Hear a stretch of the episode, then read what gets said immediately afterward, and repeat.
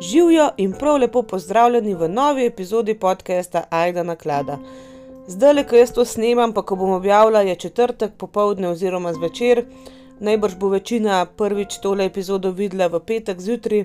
In ja, to je edina epizoda tega tedna, na Instagramu sem se vam javila. No. Uh, v glavnem ta teden enostavno ni bilo časa za še eno uh, epizodo na sredini tedna, ampak nič hudega, ker bo tole en kriminalen primer in spet en primer serijskega morilca. Uh, najbrž ga veliko ljudi med vami, no, večina ljudi nasploh, uh, ki se zanimajo za true crime, pa tudi mnogi med vami poznate. No. Uh, gre za Davida Brkovica, ki si je nadel na Dimek Son of Sam. Um, eden od kar precej znanih serijskih morilcev, čeprav mogoče število njegovih žrtev ni tako veliko kot pri kakšnemu drugemu. Ampak danes si bomo pogledali njegov primer, kdo je bil, zakaj je moril, kje je zdaj in tako naprej. Tako da najbolj, da kar začnemo.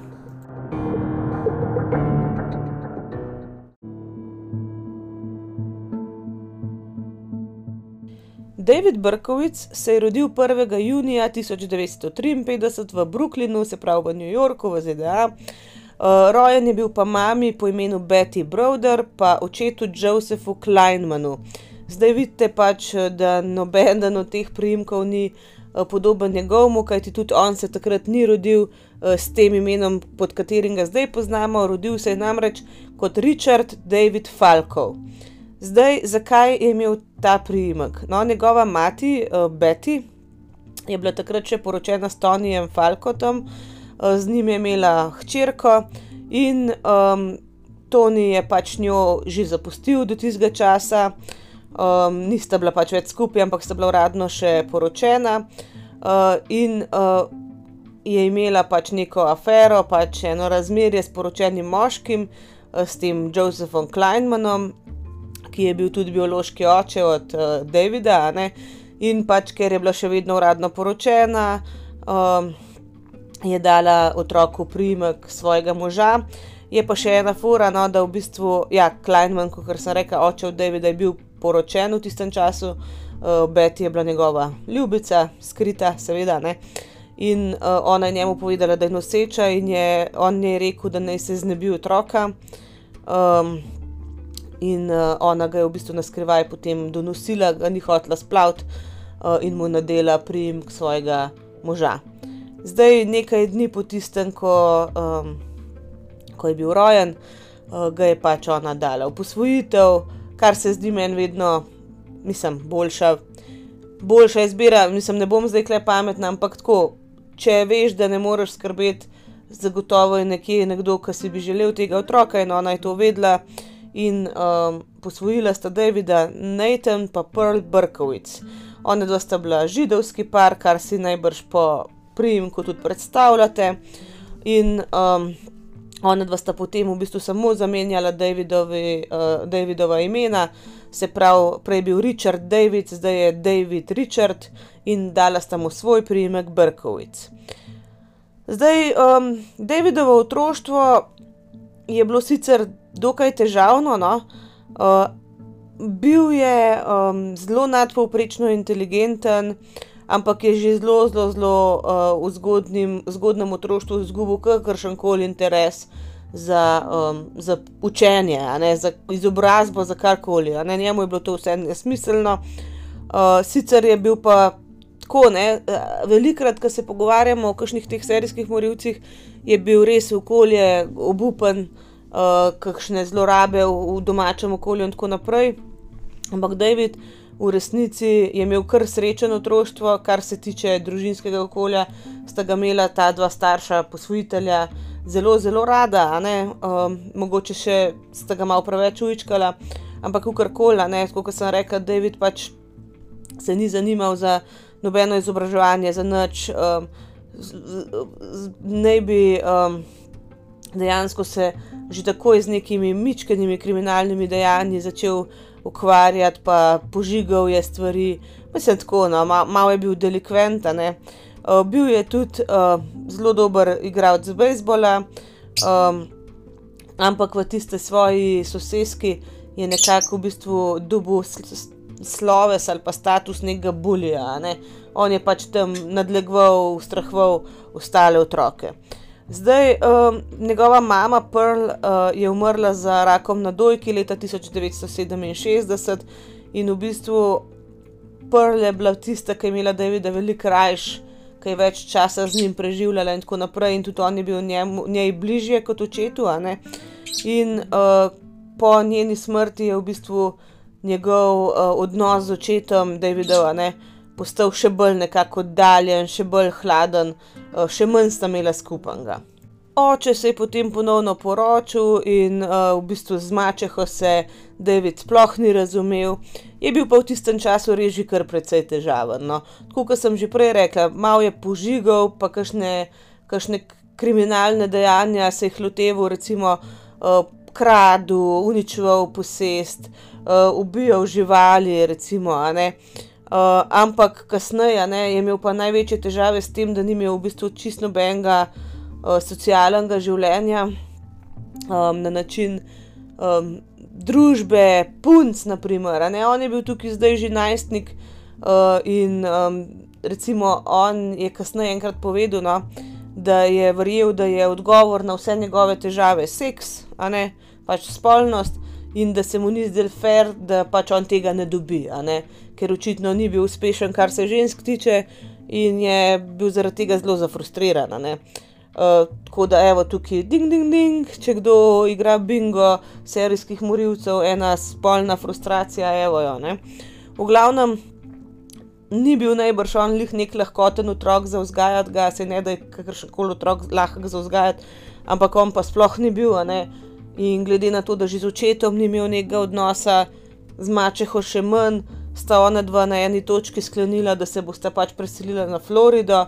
Eh, zdaj jaz ne vem, ste ga kar pustili tam v New Yorku ali kako koli, ampak on je bil pač čist depresiven zaradi te njune uh, odločitve, odločitve, da ga pač zapuščata in se je pri 18. vključil v um, vojsko, a ne ZDA.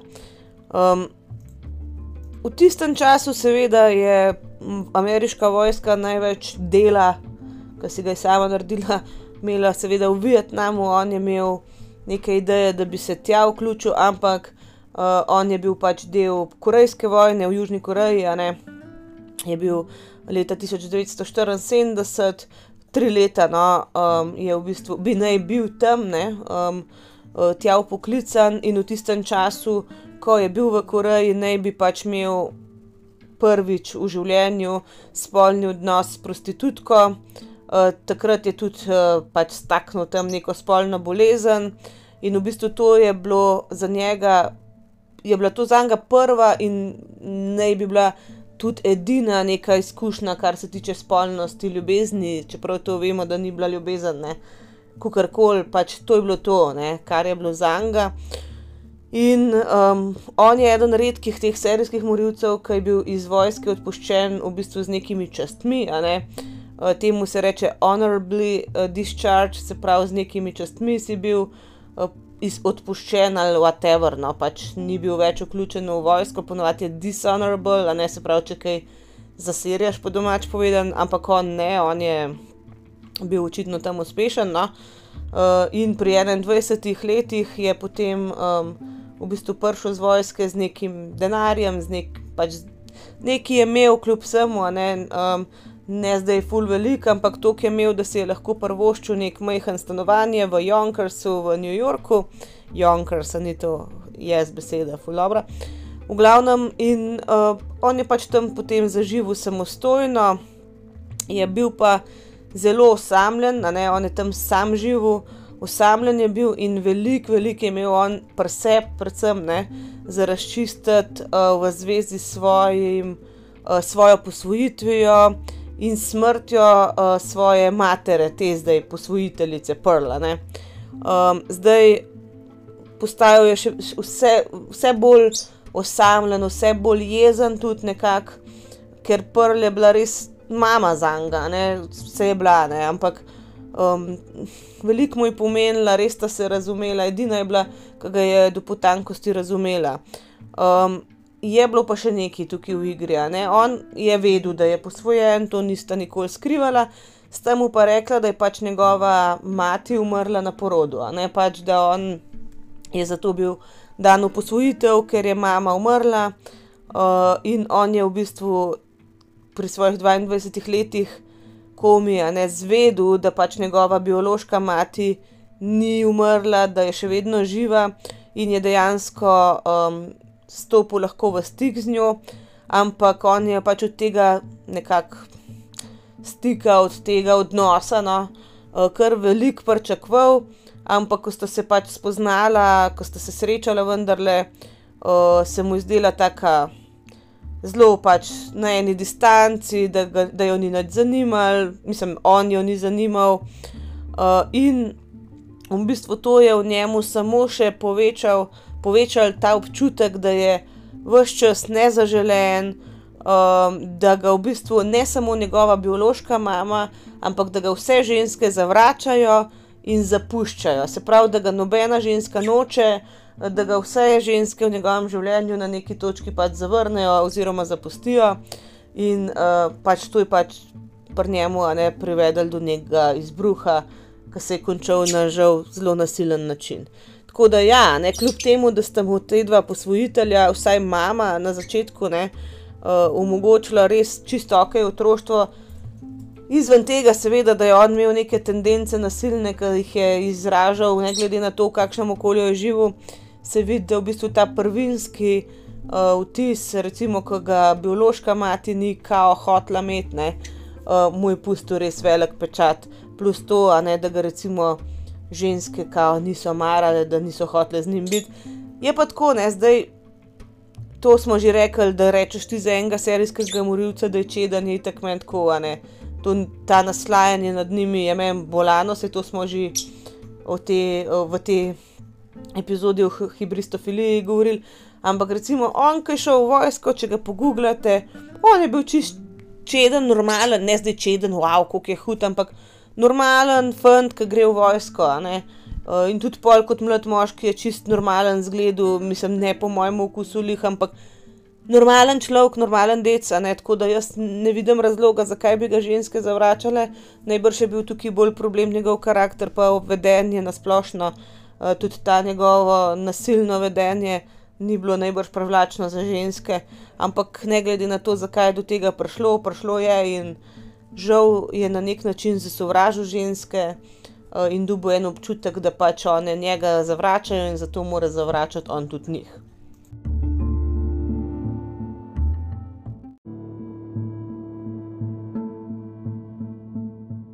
Nisem prepričana, če sem se prej prav izrazila, leta 1974 se je on že vrnil iz vojske, ni šel v vojsko, upam, da sem prav povedala, ampak karkoli.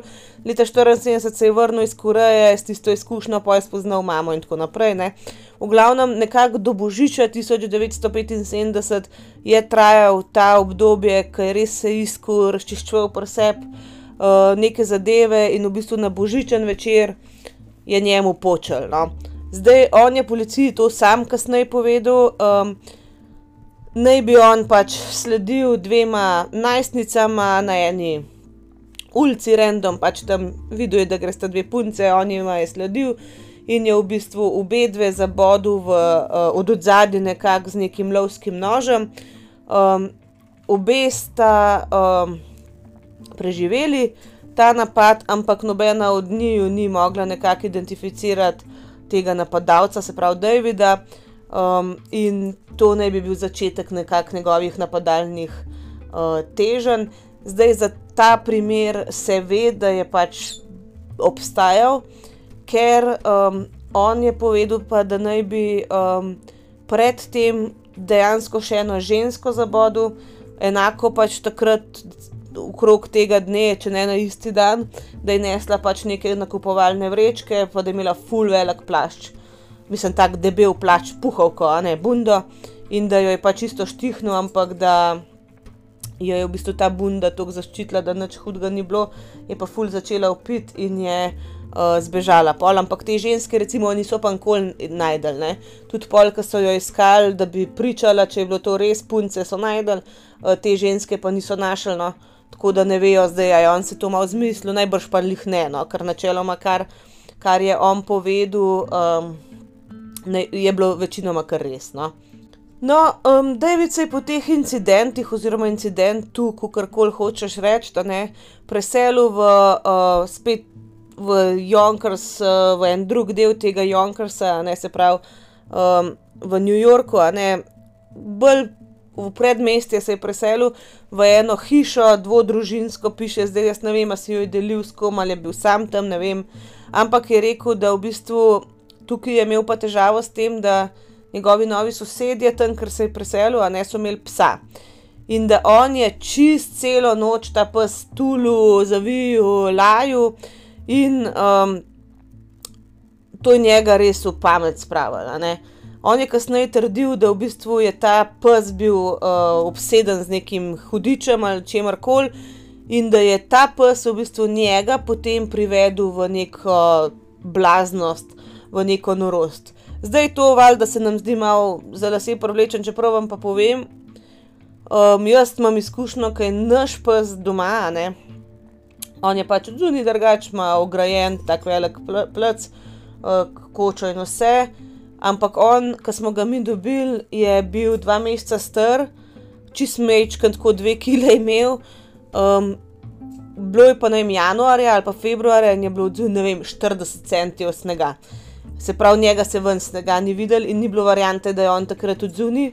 Uh, čez dan je bil malo odzunaj, drugače smo ga imeli pa takrat noter, toliko časa, da ni sneg skupnil, a ne da je pa lahko normalno ven šel, pa malo je že zrastel. In se mi zdi, da v tistem obdobju, zdaj to je kar en medklic, ki nima veze s tem morilcem, ampak poslušali boste, kmorte, ne. Ker pač jaz vmes kar nekaj nabijam. Ampak ja, v glavnem, uh, fora bila v tem, da v tistem času, ki je pač moral biti noter, ne se je pes tok navadil in, in jaz mislim, da ga je po noč ali strah bilo, pol ali, uh, ali pa. Ga je enostavno preveč motil vse to, ker mi pa smo živeli, mislim, jaz sem živela včasih tam, ker sem bila uh, čisto v gozdu, pa pod hišo je tako velik travnik, pa skozi neke srne. Pa to, v glavnem, cele noči je laju. Cele noči je laju, oziroma ni laju celih noči, ker smo ga pol not vozili nazaj, zato da je nehal lajati, ker noter je v redu. In to se ti res lahko zmeša. No? Mislim, mi smo nekaj časa probavali, da bi ga pač navadili, da je odzuni uh, ker je to vse ne delih, ampak pač moraš se spomniti, spomniti vsak večer, ga not pelati, zjutraj spet ven, se za psa je čist dobro, da je noter. Ampak mi smo probali vse razen uno električno vratnico, ker to je pa meni totalno minivne. Um, smo imeli odzuni radio pržgan, imel je neki, da mu je špricnil, če je laju, pa mu je smrdel, to ni nič bilo, mislim, vse, vse, vse, pol, pa smo obupali. Ampak kar hočem reči, v tistem obdobju, ko smo se mi to matrali, ga navaditi, res se ti zmeša. No? Pač ljudje rabimo po noč mir za spanje in ta pasji laješ, ki je skozi, skozi, skozi isto, isto, pa pa malo neha, pa spet začne, mislim. Jaz verjamem, da se mu je malo zrolal, ampak ne verjamem, pa je bil da je bil pes hudičem obseden. No, to sem hotel reči, uh, zdaj s to petminutno zgodbo o našem psu, pa o tem, kako smo ga odvajali lažje, ampak ok, kako koli. No. no, David je že imel nekaj streljenega orožja, ampak uh, eh, 29. julija 1976 je v bistvu prvič moril z novim uh, orožjem. To je bila 44 kalibrska pištola. Zdaj te kalibri, pa to jaz pojma nimam? Pika 44, piše, mislim, da je to 44 kalibrska, če je narobe, sorry. Ampak jaz bom od zdaj naprej tako govorila, pa če je narobe, pozabite, v glavnem. Fora je bila v tem, da ta pištola, to je zelo močna pištola, bila v resnici. No? Um, in mu je pomagal kupiti en um, pariatu ali kva, ki mu je David rekel, joj. Ne vem, jaz sem full anksiozen, zdaj ko sem prišel iz te vojske, bla bla, skozi me neči se straha, mi pomagaš to kupiti in mu je celo pomagal ta kolega, in je pač dobil no, um, to pištolo iz Teksasa. Ne? V Teksasu mu je pač um, pomagal ta kolega do tega prijatno. In v bistvu um, 29. julija 1976 je David uh, v Bronxu, tam sred te um, nekakšne sosedske, nekaj, ne, sred noči, v bistvu se približal do zadaj nekako enemu parkiranemu avtomobilu. Zdaj, Mečkam, da vam urišem te zadeve. Ne? To je bilo v 70-ih letih in veliko je bilo tega, da so bili, ne vem, da so mladi šli ven, so šli žurat, par, naprimer, je šel na zmenku, karkoli, potem si pa, ne vem, se prpelu pred hišo, ustavil avto pred hišo uh, in si, ne vem, še dve ure klepetal v avtu. To je bilo normalno, ampak to ni bilo, a ne zdaj si vsi predstavljajo, nek par se je tam odlizu. Ne vem, v tem prvem primeru sta, to, sta bile to dve prijateljice, ki sta se pač samo pogovarjali. One dve sta pač, um, bile sta Jodi Valenti in Donna Lorija, One dve sta šle iz nekega plesa, plesati sta šle in sta se pa pogovarjali, kako je bilo, kako sta se imeli fajn. In v bistvu David je prišel od zadaj, počepno pa je na en kolent, kot v kakšnih filmih vidite, kako ljudje streljajo. In skozi avto, uh, skozi pač šipo, uh, okn, stranskno, uh, ustrelil nekaj uh, strelov, direkt v Dono in v Jodi. Um, zdaj, um, Dona je bila ubita na mestu, uh, Jodi je bila pač ne, um, ranjena in uh, on sploh ni pogledal v avto, kaj je naredil. On je pač samo streljal par strelov in odšel. Naslednji dan je šele v časopisu prebral, da je v resnici pač umoril svojo prvo žrtev. Tako da njemu v bistvu sploh ni bilo, da bi gledal, da je kaj naredil, ali pa recimo te uh, žrtve njemu niso nič pomenile. To je bilo čist, čist, čist nekako um, random, ne? čist pač.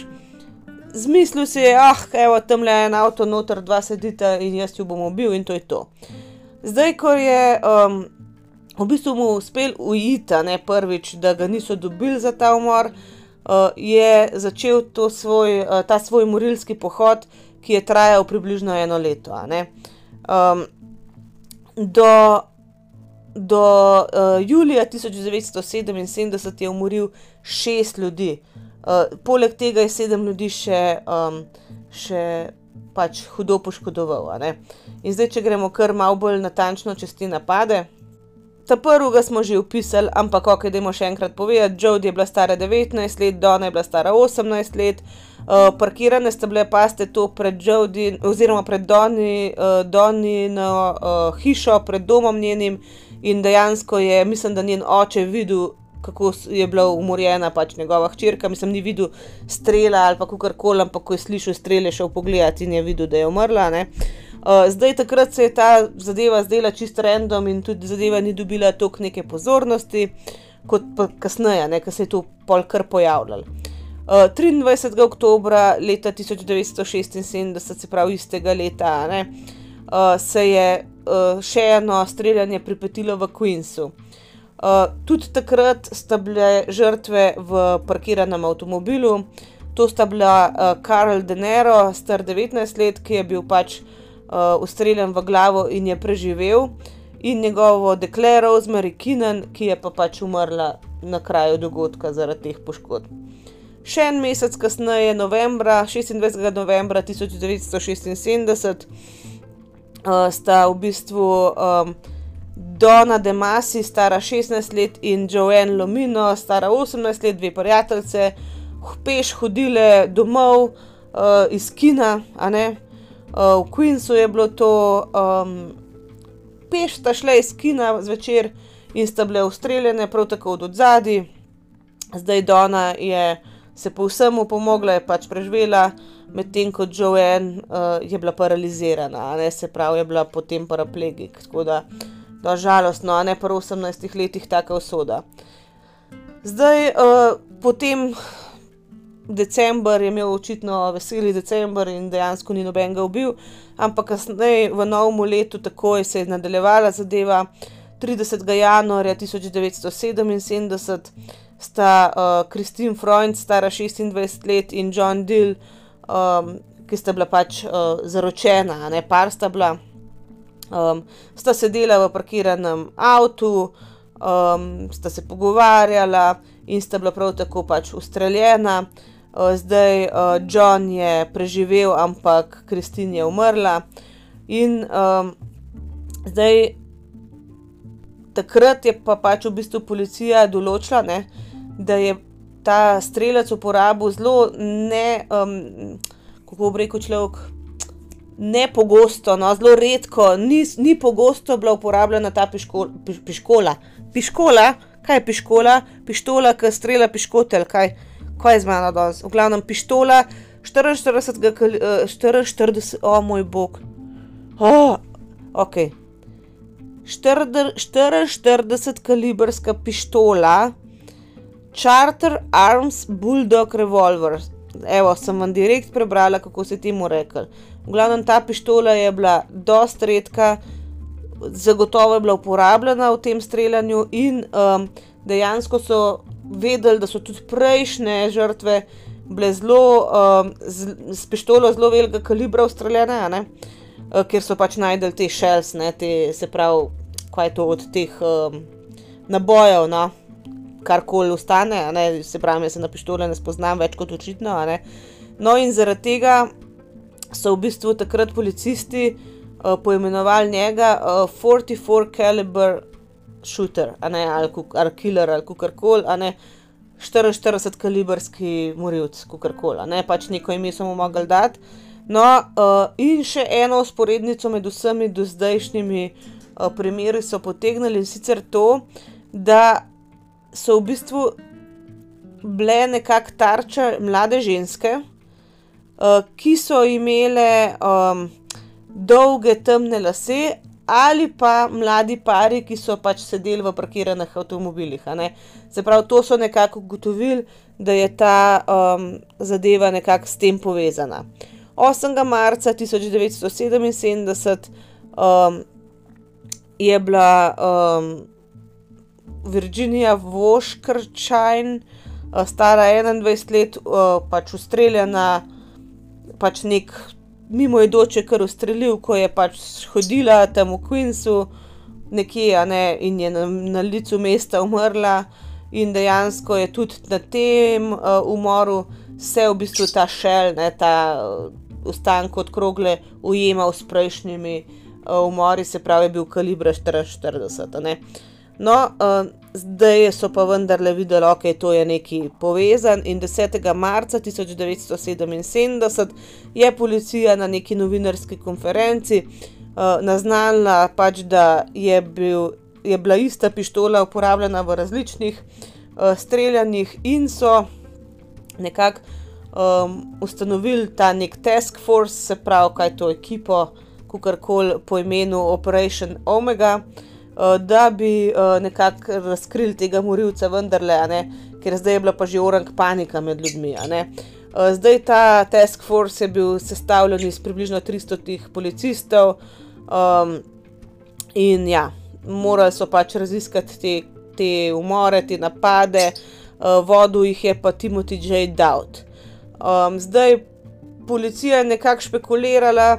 Uh, da je nekako ta morilec imel eno zamero do žensk, uh, mogoče zaradi neke kronične zavrnitve, kar ni bilo sploh tako neumno. Ne?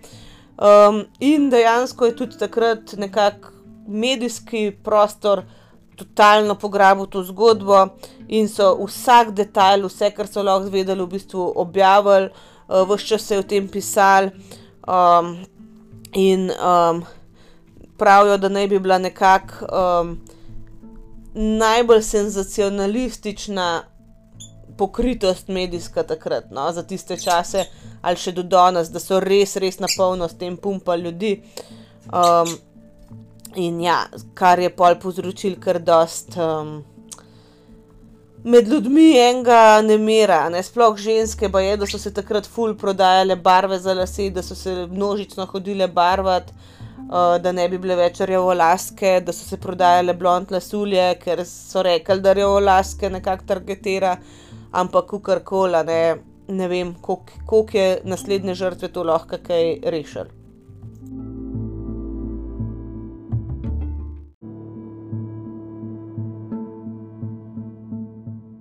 No, ta policijska ekipa, kar koli Task Force Operation Omega, oni so se res trudili, da bi razrešili ta primer.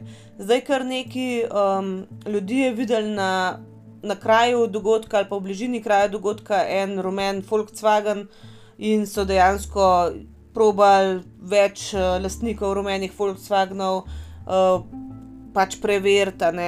potem so skušali locirati uh, lastnike večine ali pa velik tisočev uh, teh bulldog revolverjev uh, kalibra 44. Um, na, na tisoče ljudi so v bistvu izprašali, no, res, res široko so si to zastavili.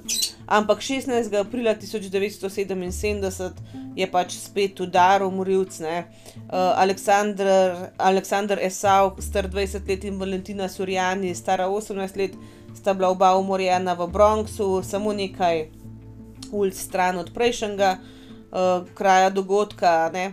In uh, v bistvu so na ulici. Eh, zelo blizu teh žrtev našli eno na roke napisano pismo, ki je bilo um, naslovljeno na enega um, policijskega, kako ne vem, malo višjega policista, no, Joea Borelija, ki je bil pač eh, del te Operation Omega. Zdaj to uh, pismo je bilo polno enih slovničnih napak, uh, ampak je pa v bistvu dalo temu morilcu novo, krajše ime in sicer Son of Sam, a ne tu si on nadel sam ime. Zdaj vam bom pa jaz uh, v bistvu prevedla ta cel uh, pismo, ker je res zanimivo za slišati. No. To vam jaz zdaj prevajam sprotko v angleščini, berem tako, da ne zamir, če se kje zatakne, ampak kako koli. Pismo je šlo takole. Uh, globoko sem prizadet zaradi tega, ker me kličete uh, sovražnik žensk. Uh, nisem sovražnik žensk, sem pa pošast. Uh, in jaz sem sin Sema, son of Sema. Uh, sem en majhen bedak. Uh, ko se ga oče sem napije, uh, postane hudoben, uh, začne tepst našo družino, včasih me, uh, me um, preveže na zadnji del hiše, uh, kdaj drugič me zaklene v garažo, sem rad pije kri, uh, reče, pojdi ven in um, uh, ubijaj, to ukaže oče sem. Um, behind our house, some rest. Take čist nesmiselne stavke ima noter, uh, za našo hišo nekaj počitka, kar nekaj ne. Um, aha, počiva nekaj ljudi, je najbrž mislil, ja.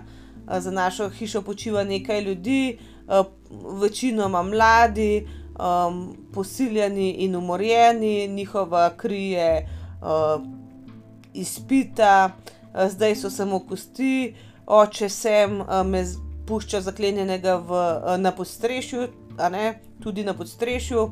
Ne morem iti ven, ampak gledam skozi postrešno okno in gledam, kako uh, gre svet mimo mene, počutim se kot outsider, uh, sem na drugi valovni dolžini kot vsi ostali, programiran sem za ubivanje. Če me želite ustaviti, me morate umoriti. Pozor, policija, najprej me ustrelite, ustrelite me tako, da me boste ubili, ali pa se odstranite z moje poti, sicer boste umrli. Oče sem je zdaj star, uh, potrebuje nekaj krvi, da ohrani svojo mladosti, ima preveč uh, srčnih napadov. Um, Boli me, sinček moj, um, govori, Mislim, da tu so taki nonsensi v tem pismu. Uh, najbolj pogrešam svojo lepo princeso, um, ona počiva v hiši najne dame, ampak jo bom kmalo videl, jaz sem pošast, Belzebub, um, ljubim lov, um, klatim se po, po ulicah in uh, iščem okusno meso v glavnem, jaz sploh ne morem tega do konca prebrati, ta še nonsens je. V bistvu uh, psihiatri so pač pregledali tale pismo, to ni do konca bilo prebrano, uh, in so rekli, da bi ta strelec v resnici lahko bil schizofren, uh, ker, ker to je bilo čisto zmešano. No? Tako da po tem pismu so tega morilca imenovali Son of Sam. 16. aprila 1977 se je dogodil ponovno en streljanje. Sal Lupo, pa Judy Placido, oba dva stara 17 let, uh, sta zapustila pač, uh, oziroma to sta bile dve dekleti, mislim, ne vem. Uh, zapustili sta eno diskoteko v Queensu, uh, ne, par je bil, se upravičujem. No, uh, pač sedela sta v svojem avtomobilu, Uh, in ona, ne, Judy je celo rekla, da je ta stvar s tem Son of Samom je pa res uh, totalno um, pač grozljiva, ni ne. Um, ker kar pride od nikjer, pa ne veš, koga bo naslednjega ubil. Uh, in pa je, da je um, potem takoj, nekaj trenutkov potem, uh, sta zaslišala strele, ki so pač prerešetali ta njun avto. Uh, oba dva sta bila zadeta, ampak noben pa ni bil pač resno uh, poškodovan. Zdaj, um, strelec je seveda všel, ampak Selna, ne, on je bil toliko manj poškodovan, da je lahko zbežal nekam uh, in poiskal pomoč, ne, da so prišli pač jima pomagati. Zdaj, um, policija je pol imela tudi počasi nekakšne skice obraza tega napadalca, ker je kar neki pač prič ga lahko opisalo, ampak nobena prav dosti zanesljivo. Um, kar veliko prič je v resnici tudi preživelo napad, ne glede na to, da so bili vsi skoraj ustreljeni v glavo, kar je kar zelo neverjetno. No. Ampak te skice, no, kot sem rekla, uh, na podlagi pričevanj teh preživelih, predvsem. So si bile med sabo fully različne, ne pač tako res niso imeli um, ene enotne slike o tem, so pa nekako um, ena, kasneje, ki so ga ujeli, je bila ena od skic, nekako pa eden od opisov, dost podoben Brkovicu in sicer, da je bil neke srednje višine, močkam bolj tak nabit, da uh, je imel kratke lase, uh, zelo temne in skodrane. Uh, ker ostali so ga pa zelo, zelo drugače opisovali. Zdaj, veliko, uh, veliko uh, jih je nekako ga opisovali, da je tako suh, kot hipibel. Uh, eni so rekli celo, da so enega najstnika videli tam v bližini. Tega najstnika, recimo, ne, je kar veliko, veliko ljudi videli, tako da to, to ne vem, v čem je forana. Um, leta 1977, istega leta, 30. maja, je um, en novinar New York Daily News tudi pač, uh, pač dubo na svoj naslov eno na roke napisano pismo, uh, in um, so ga dejansko uh, po nekakšnem pogovoru s policijo delno objavili, in je naj bi v tistega dne uh, prodali več kot 1,1 milijona um, časopisov, tako da wow, jasne.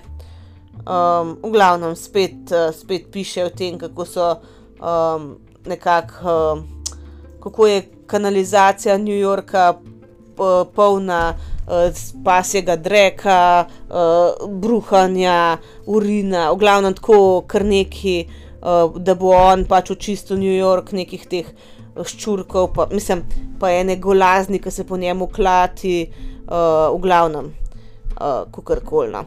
Um, ne vem, zdaj ta, ta pismo mislim, da to pismo um, ni bilo pravo, ker je bilo čisto drugačno napisano kot prvo, fulbelt tako sposoben pisati je bil kot prvič. No.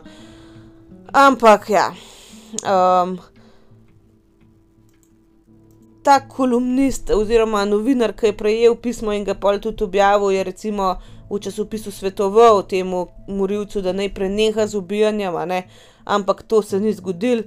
30. julija 1977, približno en let po prvem streljanju, ne, uh, je v bistvu uh, v Queensu, mislim, ne v Queensu, v Brooklynu, uh, ubil svoj zadnji dve, uh, mislim, napadel svoj zadnji dve žrtvi. Stacy Moskowitz uh, je bila stara 20 let in Robert, Robert Violanti je bil star tudi 20 let. Oba dva sta bila ustreljena v glavo, ko sta pač sedela v parkiranem uh, avtomobilu. Uh, zdaj ta primer je bil tako res malo žalosten. Vem, da je temu Robertu oziroma Bobi so ga klicali, da mu je še mama rekla: ja, pa misliš, da je varno jeti s tem morilcem, ki je zdaj na, ne, ki pač pobija po mestu. Pa je rekel: noč ne skrb se, Stacy ima blond lase, ampak ji ni to pomagalo. Uh, zdaj uh, Stacy je kasneje umrla. Um, Bobby je bil pa uslepljen, na eno oko čisto, na drugo oko mečkan vid, ampak v bistvu praktično slepa. Ne? Tako da to, ta dva sta bila v bistvu zadnji žrtvi Sona vsema. Um, zdaj, um, takrat, no, tistega večera, preden sta bila Moskovic pa Violenti uh, ustreljena, ne, je Cecilija Davis, ena ženska, ki je pač v bližini uh, tega prizorišča um, zločina ne, živela, videla pač, da je en moški um, neko, nek ta um, kazen za parkiranje no, odstranil od en, dol z enega uh, rumenega Forda Galaxy ki je bil pač parkiran v bližini enega pač gasilskega hidranta. Uh, zdaj, uh, ona je videla njega samo par minut pred uh, streljanjem in je pač kontaktirala policijo glede tega.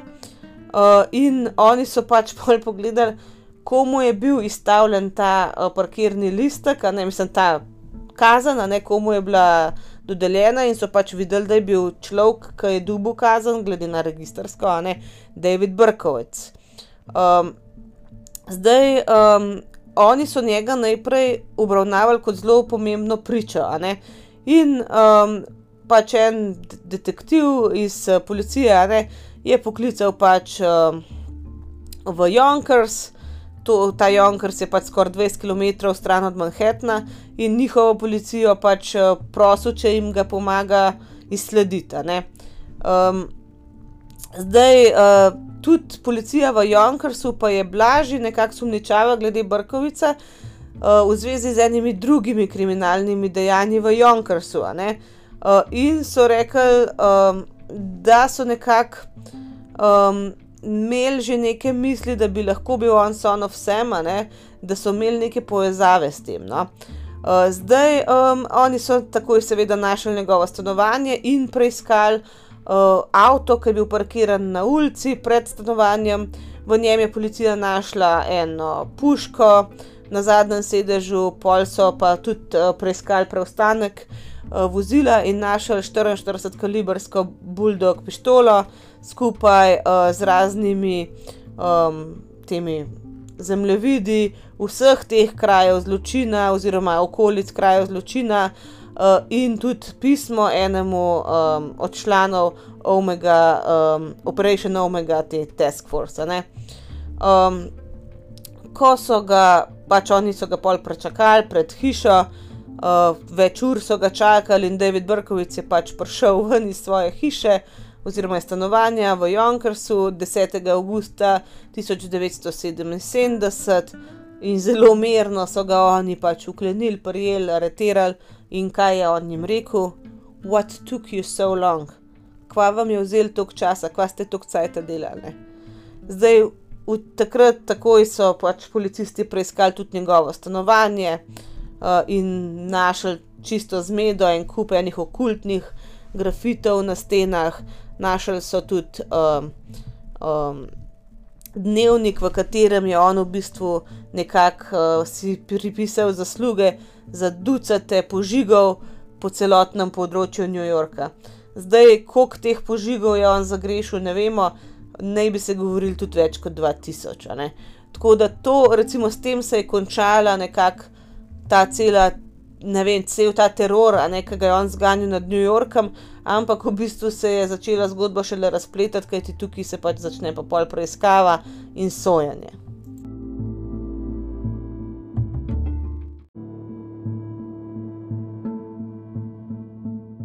No, najbrž ste se vi tudi zdaj, tako kot jaz, sprašvali, kako je policija lahko kar preiskala njegov avto, se v resnici niso imeli nobenih dokazov, imeli so neke domneve. Zdaj nisem vam povedala, kje so, iz kje so te domneve tudi izhajale. Ne? Pač eh, sosedje njegovi eh, so se dejansko pritožvali že nad njim, ker jim je grozil glede tega psa, ki sem že rekla, da je skozi laju. In jaz mislim, da je bil ta sosed dejansko, in mu je bilo ime Sem, in ta son of Sem naj bi bil ta pes. In ta pes naj bi pač bil kukar njegov overlord, da ga je posedel, ne vem, kukar koli, whatever. No, pač, da je on njega vodil in da je bil on njegov master, whatever. Um, ne, to se je on zmislil, ampak on je tega psa dejansko tudi napadel, pa z nečem ustrelil, pa ne vem kaj pa so ga porešili, v glavnem, da se ta, te sosedje so se že pretožvali čez njega, ga porjavili, ampak niso pač nič naredili. Ampak ja, kakorkoli, oni niso imeli dokazov, da bi on lahko bil san of vsem, imeli so pa domneve in so kar preiskali ta njegov avto pred, uh, pred Bajto. Ne? In če bi šlo to na sodišče, bi v bistvu lahko ta cela preiskava padla v vodo, zaradi tega, ker niso imeli naloga za preiskavo. Ne? Pač ti ne moreš kar eno lastnino človeka brez nekega orang razloga, pa brez naloga pač preiskovati. Um, zdaj uh, tudi ta puška, recimo, in ta vse orožje, ki so ga našli v tem avtu, v bistvu je čist dovoljeno imeti. In um, ja, a ne več pač posebenega tako da ne bi imeli v resnici neke, nekega izgovora, zakaj so potem, mislim, brez naloga ne bi smeli nič. No. No, ampak hvala Bogu si je policija lahko kar hitro oddahnila, ker je v bistvu David Brkovec takoj pač priznal vsa ta. Um, Vsa ta um, streljanja, vse te umore, in je v bistvu čist rekel, da jaz bom rekel, da sem kriv samo zato, da bom pač cel life v zaporu, ne bom šel pa na smrtno kazano. Uh, Eh, da ne bo pač mogel biti obsojen na smrt. Uh, tako da 30 minut, približno pol ure, ne, so ga izprašvali, dokler ni pač priznal vsega, tako da so vse vedeli in ni zadeva rabljati na sodišče. Uh, zdaj, med tem zaslišanjem, je pa Paul Brkovic v bistvu povedal to zelo bizarno zgodbo, uh, ki bi skoraj potrebovala um, nekako. Uh, mogoče preveriti, če je on sploh normalen, mislim, zdrav psihično, ne, se pravi, um, a sploh lahko je obsojen ali z njim res nekaj ni v redu. Ne. Pač on je pač povedal, da je bil ta, kot sem rekla, sem je bil sem kar, ki je bil nekdani sosed od Brkovica in da ne bi Harvey od Sema Kara uh, pač uh, pes. Eh, bil nekako obseden z nekim uh, zelo starodavnim demonom uh, in je ta Harvey, pač pes, od Sema Kara, uh, dejansko ta demon prek Harveya um, um, nekako komandiral Sema, Sema Davida, da ne ubija. Ne. Uh, zdaj Brkovic je dejansko enkrat skušal umoriti tega psa, kot sem že rekla, um, ampak da ne bi pač neke nadnaravne, nadnaravne sile in pač eh, vmes prišle in preprečile, da bi pes umrl. Pač to zgodbico je napletel, kako koli, uh, a je imel kakšen namen ali ne, ne vem. Ampak ja, ni bil pač uh, primeren kandidat za to um, insanity, a ne pli, a ne to, kar smo že velikokrat govorili, da pač si spoznan za nedolžnega, zato ker si uh, pač ker, ma, ker si bolan, kako koli, ampak se je pa čuden obnašal pač med temi uh, obravnavami na sodišču. Tako kot smo rekli, sojenje kot tacga ni bilo, ampak obravnava vse je. Uh, med temi obravnavanji naj bi vse čas potih uh, govoril, Stacy was a whore, Stacy was a whore, a ne Stacy je bila kurba. Uh, s tem je ciljal na Stacy Moskovic, to je zadnjo, a ne žrtev. Uh, zdaj to je zelo potiho govoril, ampak tako, tako da so ga vseeno vsi slišali. No. Uh, potem je bil, uh, pol je rekel, no, da ga je um, k temu moram napeljal en komat, ena pesem. In to naj bi bila pesem Rich Girl uh, od dueta Holland Oates, to je tale komat, evo malo vam ga zavrtim.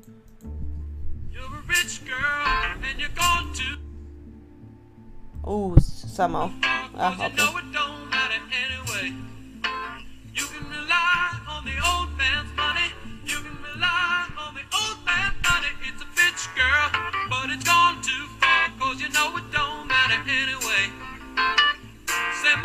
money won't get you too far, get you too far.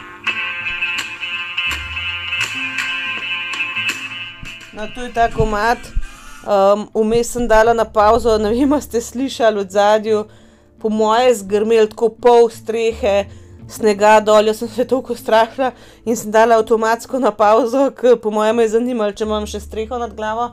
Uh, upam, da je, ampak ok, wow, uh, ok, tole res zagrmel zdaj. Um, ja, pač tako je med snemanjem, pride marsikaj, ampak ja, tudi ta komat je bil kriv za njegove umore, kako koli. V glavnem, 12. junija 1978 je bil on obsojen na šest zaporednih doživljenjskih kazni. Kaj to pomeni? zaporedno, ne, da v bistvu tudi, če bi bil za en umor oproščen ali pa bi že pač bil lahko izpuščen, ima še eno, naslednjo, pa še eno, pa še eno. V glavnem, to je fora, no, zakaj zaporedne, itak no, umrl, pa še enkrat zaprt, pa umrl, pa še enkrat zaprt, ampak to je fora, ne, če bi za eno v bistvu bil izpuščen, ima še eno, pa še eno, pa še eno, pa tako naprej. Um, zdaj, um, on pol, ki je šel v zapor, ne, se je na začetku fulčil obnašal, uh, dejansko ga je vsaj enkrat pač sojetnik napadel. Uh, najhuje je bilo, ko je bil v bistvu porezan po vratu. Zdaj, če gledate, kaj še njegov intervju, zdaj v teh časih, uh, fulgardo, brazgotinoma, čez cel vrat, pa je, da je kot 56 ali kot šiva v dubu takrat. No. Uh, ampak zdaj no, um, je dejansko um, on eden od tistih, ki. Ne vem, kaj naj vam rečem, v glavnem. on je zdaj, če poslušate zdajšnje njegove intervjuje, ful tak, ne zrel, um, trezen glede tega, kar je naredil. On nič ne skriva, ampak zdaj pač je povedal, da v tistem času naj bi bil kao satanist, uh, in da naj bi bil, on del enega um, nasilnega kulta, ki je pač želel um, uh, nekako. Uh, videti te umore, pol kar neki z nekim čarovništvom, da naj bi se pač ukvarjal. No. Uh, nekaj časa je tudi govoril, da ni bil uh, sam v teh umorih, uh, da je bil en član ene grupe, pač enega kulta, še enkrat. Um, zdaj uh, to dejansko no, um, naj bi bila kar dost verjetna teorija. Rekli so, da je zelo tako, da so bili med sabo te umori tako različni, da mu tudi po stilu streljana. Uh, da se jim zdi, da vsaj dva bi mogla biti storilca, no? ampak karkoli. Uh, zdaj, um, v tem času je seveda on se srečal s krščansko vero, uh, prav da je tudi uh, njegova obsedenost s pornografijo pripeljala do teh umorov. Um, v glavnem uh, je pa zanimivo, no? da on je eden od tistih, ki se ti zdi, da je dejansko dokaj rehabilitiran. No? Um, pravijo, da je on zdaj vzoren jetnik, uh, dejansko je vključen v različne programe, v sklopu katerih on pomaga drugim jetnikom, uh, jim svetuje, je tako kot en psiholog za njih. Ampak ja, ne, uh, rekel je pač, da, da nekako um, zapor njemu pomeni prostor, kjer je možnost rehabilitacije, predvsem. No? Zdaj ne vem, kako naj vam povem, ampak on je rekel, da ok, ljudje kot je on sam, pač on ne bo videl več sveta, valjda, ne? ker je naredil to grozne stvari. Ampak da vidi v zaporu, recimo, ljudi, ki so stari, ne vem, 25-30 let, ki ima par let zapora, ki je naredil eno bedarijo in da tem ljudem je treba pomagati, da pol se nazaj v družbo vključijo kot normalni člani družbe, ki imajo recimo otroke doma, družine doma, pač ne, ljudi, ki od njih pričakujejo nekaj, ki pač se zanašajo na nje in da takim ljudem on proba pomagati. Um, je tudi zanimivo, da po teh intervjujih on je res ne prijeten, je ful močna beseda.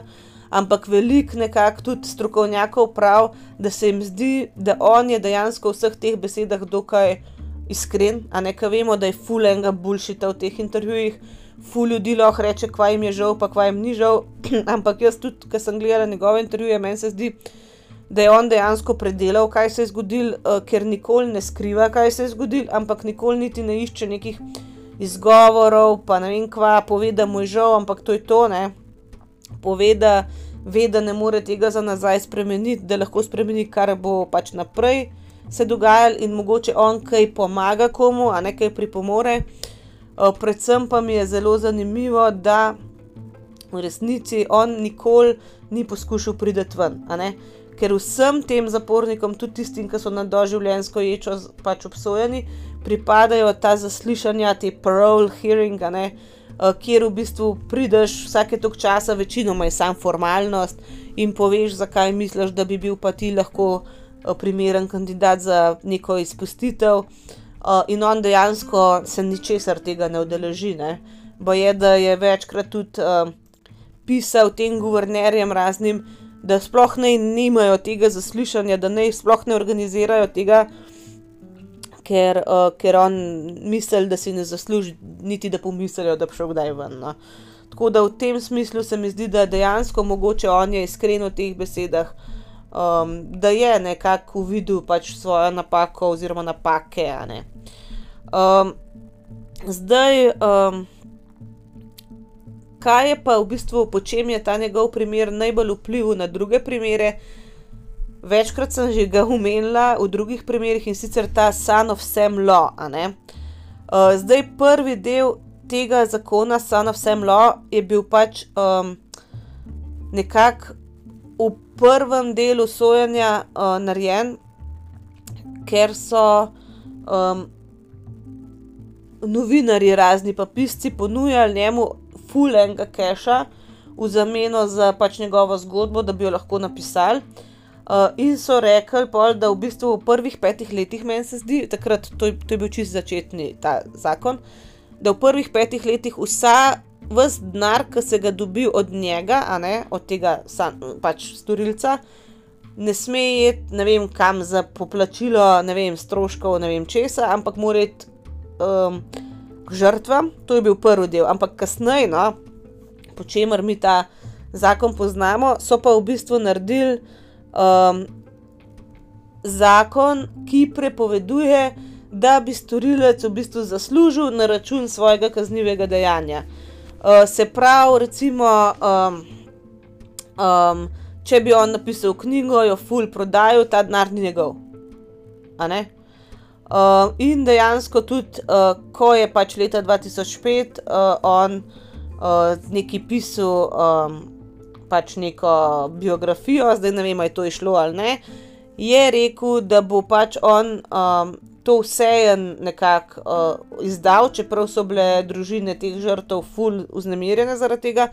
Ampak je vs, vsa sredstva iz, iz prodaje tega, um, te biografije uh, preusmeril nekako v eno fundacijo uh, za družine teh žrtev ali pa za žrtve same. No. Um, zdaj, um, leta 2006 je on pa tudi tožil svojega bivšega odvetnika, ker je pač uh, mu ukradel veliko enih pisem in ostalih osebnih predmetov, uh, zaradi tega, da bi on svojo knjigo izdal, in je pač rekel, da. Um, uh, bo pač uh, tožbo ovrgel samo v primeru, če bo ta odvetnik vse pravice oziroma vse zaslužek prepisal um, v to fundacijo za družine žrtev njegovih. Se pravi, on ni nikoli nameraval pač nad zaslužiti, ampak bi probo kao s tem denarjem nekako pomagati družinam žrtev. Zdaj jaz verjamem, da se to sliši veliko prelepo, da bi bilo res, ampak kot sem rekla, tudi strokovnjaki, ki se na dnevni bazi ukvarjajo nekako s temi morilci pravijo, da najbrž naj bi um, on kar dobro bil rehabilitiran, eden od redkih pač primerov, kjer mogoče pa ni čisto vse sam bulšitno. No, zdaj, da boste nekako začutili, kakšen je on zdaj, uh, vam bom predvajala en del enega njegovega intervjuja, v katerem govori o svojem, uh, pač o kazni, ki jo je dobil, uh, pa potem tudi um, o tem, zakaj on v resnici pač ne uh, želi v bistvu te nekakšne uh, pogojne spustitve kako koli. No? Pa vam bom kar predvajala zdaj. Evo. From time to time, you know, because people ask about the situation with parole. When I was sentenced in three different counties, there was Queens, Brooklyn, and the Bronx, in New York City, three different counties. uh, I was given multiple life sentences by all the different judges. And one of the judges said to me that we're going to give you a sentence that's going to, hopefully, you're going to take your last dying breath prison. And at the time, I was just a lost soul. I didn't care. I, my life was a mess. I was really in a bad frame of mind. And, and uh, they, you know, so I went through that. It was all like a fog. And he ended up coming to prison. But as it turned out, the way the laws work, they were not really allowed to sentence me to consecutive sentences at the time because that was not, as of yet, on the books. So it, it, it consolidated by itself into one 25 year to life sentence. and which means that because it's one 25 year to life sentence, even though the judge judges specified otherwise, the limitations of the law at the time made it consolidated everything. So in other words, if there were six life sentences, it became one, it, just on paper, just in a legal sense. So, but because of that, after 25 years, I went to first parole board at 25 years which is because it's a 25 year to life sentence. And the parole board, of course, has authority to keep hitting you with more time, giving you more time if they feel you're not eligible for release. Now, of course, in my case, because everything was so extreme and the case is so serious, you know, they will keep hitting me. And sometimes I went to the parole board and sometimes I didn't. But either way, it would have made no difference. But I sent them, I written them letters, you know, apologizing, and my letters were very remorseful. They took note of that. And they took note of the fact that I'm, I'm doing well in prison today and so forth. But because of the seriousness nature of the crime, they keep giving me more time. And I have another parole board coming up, which is every two years as a matter of routine. But I feel that I didn't go to the last one, and I don't believe I, sh I should go to this one. Uh, I've accepted uh, my uh, sentence I've come to terms with everything. And, you know, my fellow inmates, you know, meaning well because they like me, they, they, the guys in here like me. I'm just one of the fellows, you know, and they try to encourage me. Says, Dave, you need to go to the parole board. You, you need you need to give it a shot. You never know. You never know. I understand what they're saying, and they and they mean well. And technically, uh, I could go. Not that it would make any difference. I could go, but I feel that um, I have to think of not myself, because sure, I would love to get out of prison. That would be my hope and dream. I have a lot of good plan, plans. If I would ever get out of prison, I would try to go all over churches, youth groups, sharing my testimony, uh, juvenile detention centers, trying to reach young people, on and on. If I had an opportunity to um, to to get out one day, that would be, of course, I'm thinking in my own mind, that would be a wonderful thing because I have so many good plans, good, wonderful plans uh, to touch this world for Christ and to give up messages of hope as well as give young people a cautionary tale. But all that aside, I have to look at you know the victims of the crime and the fact that these people, wherever they are and whoever they are, I don't know. I'm not in contact with any of them, and I'm not allowed to be. But I always have to think how would, how do they see things? See, as a Christian, I'm taught you know, from the scriptures to put others first, to consider others better than yourselves and better than yourself, and to think of yourself last. Think of others first. In the world, it's usually me, myself, and I, and others second. But see, Christ has taught me to to to value and respect other people even above myself. And, and I, as I think about this, I'm thinking these these these people, are, some of them are still around. Some of the parents who've lost a loved one, and oh, siblings that are still around, and, and I know that such a thing would really upset them. Would really just it bothers probably bothers them or agitates them, and I I say, well, you know, I can't I can't do anything to cause these people any more pain or heartache or grief. So let me just deal accept the sentence. Realize I as much as I wish I could go back and change things, I cannot. And I know that God has forgiven me even if people have not. And, and now, by the grace of God, I'm moving on with my life. Parole is not even an issue anymore. I mean, it comes up in the media because there's a, always a scheduled hearing every two years, and that'll probably go on indefinitely. But I've already come made peace with the whole matter. I said, you know what? My life is in God's hands, and I'm, by the grace of God, I'm doing a lot of good things, positive things today. You know, let me be thankful for that. And uh, I don't want to do anything that would cause any of the families or the uh, surviving victims who were injured any more pain, any more suffering. You know, let them live their lives as best as they could and let them have the satisfaction of knowing, you know, I'm not going anywhere, I'm not going to bother you, you know, that type of thing. I think that's the, the best way to do it. I think that's taking the higher road. Even though by rights I could try to get parole, I could go to the parole board every every couple of years whenever they have their hearings. I can come with all paperwork, letters of support. Those things I have never done. I have never asked any Christian, anybody, or any church pastor or anything, to to to uh, for letters of support or things like. I don't believe in doing that. That's fine for other men that want to, you know, do that. But I feel God is leading me to just just let things be as much as possible, you know. And I, I feel that gives those people more peace, and that's what's important. It's not my feelings, it's not my wants, but their wants and desire. And if it gives them more peace to to to see me still locked up, then I want them to have that peace. If, if I could give them that much, I'll give them that much. I don't want them to have to, to worry, be in agitation, have emotional pain and trauma, or wondering, oh, is he going to get out? And, you know, this, you know, like Jesus said to the storm, you know, peace, be still, relax, I'm not going anywhere. That's it. I feel that was the higher road, the higher road to take. Ja, a ne, dost pameten, v resnici, ne. Pač s tem, da bi se on boril za neko izpustitev, bi tako samo neko bolečino povzročil tem žrtvam, ker uh, fora je v tem, ne vem, koliko vi to poznate, ampak recimo na vseh teh parole um, hearings, ne, mislim, da morajo biti dejansko zraven um, pač ali žrtve, če so že preživele, ali svojci, kakorkoli in to dejansko je fulenga stresa.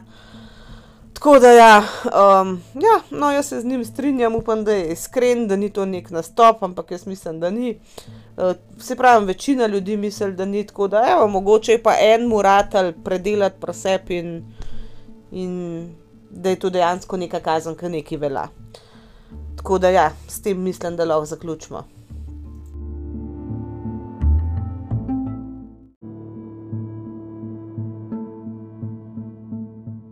Zdaj, um, to je en tak primer, ki sem jaz do njega zelo indifer indiferentna, v smislu, ponavadi sovražiš nekoga ali se ti na enem nivoju malo smil.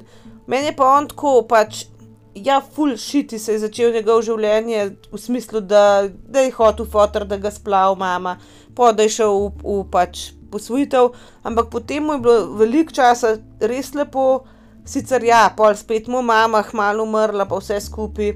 Ampak jaz mislim, da je bil to en človek, ki je bil na, na, v ključnih trenutkih svojega življenja pač usamljen, zgubljen in je pol sprejel ful napačne odločitve. Jaz res ne vem, kaj je bil namen teh streljanj, on tudi ni nikoli povedal, zakaj. Jaz mislim, da je bilo to kar eno maščevanje, glupo proti ne vem komu ali čemu. Ampak ja, jaz tako se mi zdi, da je to en tak primer, ki se je človeku ne odpustil, kao oh, vse je v redu. Ne, ne, valjda, on bo zdaj do konca življenja v zaporu, ampak tako kulje, no. Pač ne, ne dela stvari še slabše, zdaj iz zapora, ker vemo, da ni vedno tako. No. To je za današnji primer to, jaz grem zdaj uh, pogledat, koliko strehe je skupaj s snegom dol zletel. Uh, bil je mal uh, zmeden tale snemanje, danes uh, se vam upravičujem, ampak dolg teden je bil, še jutr, pa imamo pa dopust en teden, res, o, oh, noro, koliko jaz zdaj le dopust čakam. Upam, da bom med dopustom mal na zalogo uh, posnela kakšnih epizod, ker zdaj le bilo kar divje s tem snemanjem. No? Uh, ampak le, lahko bom pa na koncu tudi ene, ne bom drug teden posnela, pa sem vzela fraj, pojma nimam. Tako da bodite na tekočem na mojem Instagram profilu Aida Naklada podcast, pridite na splošno, kaj tja, no tam je kar fajn, malo se pogovarjamo, kaj mi napišete, kaj si mislite, res je lušten to videti tam na kupu. Drugač pa do naslednje epizode, ostanite varni in zdravi, se poslušamo takrat in čau, čau. thank you